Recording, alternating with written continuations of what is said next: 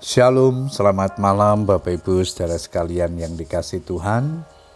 Kembali malam hari ini kita datang kepada Tuhan untuk menaikkan ucapan syukur dan doa-doa kita kepadanya.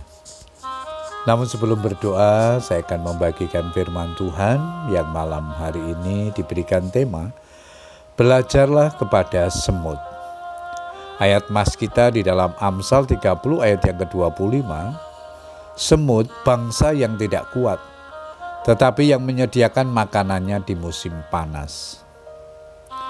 Bapak Ibu saudara sekalian dalam amsalnya Agur bin Yake menasehati kita agar mau belajar dari kehidupan empat binatang yang paling kecil dan lemah di bumi yaitu semut, kancil, belalang, dan cicak. Umumnya orang akan diminta belajar atau menimba ilmu dari mereka yang besar, yang hebat, dan berpengalaman. Tetapi firman Tuhan hari ini justru mengajak kita untuk belajar bukan dari mereka yang tampak hebat dan besar, melainkan dari empat binatang yang paling kecil dan kita tidak perlu merasa malu. Mengapa kita harus belajar dari hal-hal yang kecil? Sebab manusia sering kali hanya memikirkan perkara-perkara yang besar, tetapi mereka melewatkan bahkan mengabaikan hal-hal yang kecil. Padahal semua perkara besar selalu berawal atau dimulai dari perkara-perkara kecil terlebih dahulu. Begitu pula untuk dapat dipercaya mengerjakan perkara-perkara besar, kita harus terlebih dahulu menunjukkan kesetiaan dalam mengerjakan perkara kecil. Barang siapa setia dalam perkara-perkara kecil, ia setia juga dalam perkara-perkara besar.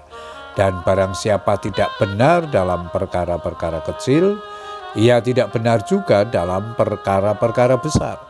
Lukas 16 ayat 10 Pada kesempatan ini kita akan belajar dari semut, binatang kecil yang mempunyai sifat rajin, untuk mencari makan saja, mereka harus menempuh perjalanan yang cukup jauh. Ketika telah menemukan makanan, ia tidak bersikap serakah, melainkan melapor kepada teman-temannya dan mengajak mereka untuk beramai-ramai mengangkat makanan itu.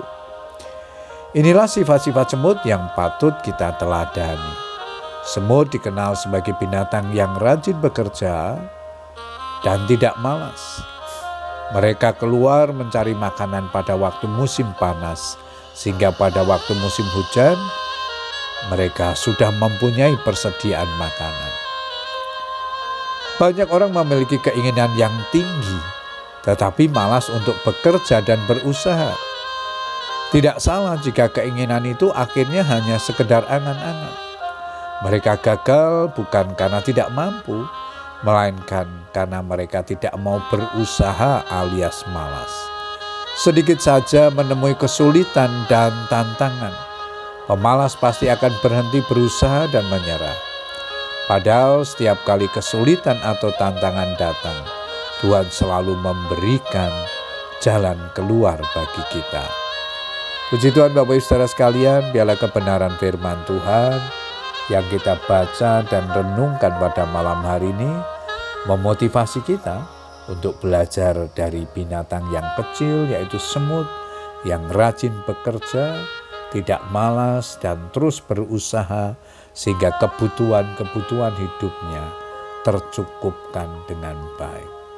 Mari kita tetap bersemangat menjalani kehidupan ini karena kita tahu Tuhan selalu menyertai kita. Selamat berdoa, Tuhan Yesus memberkati. Amen.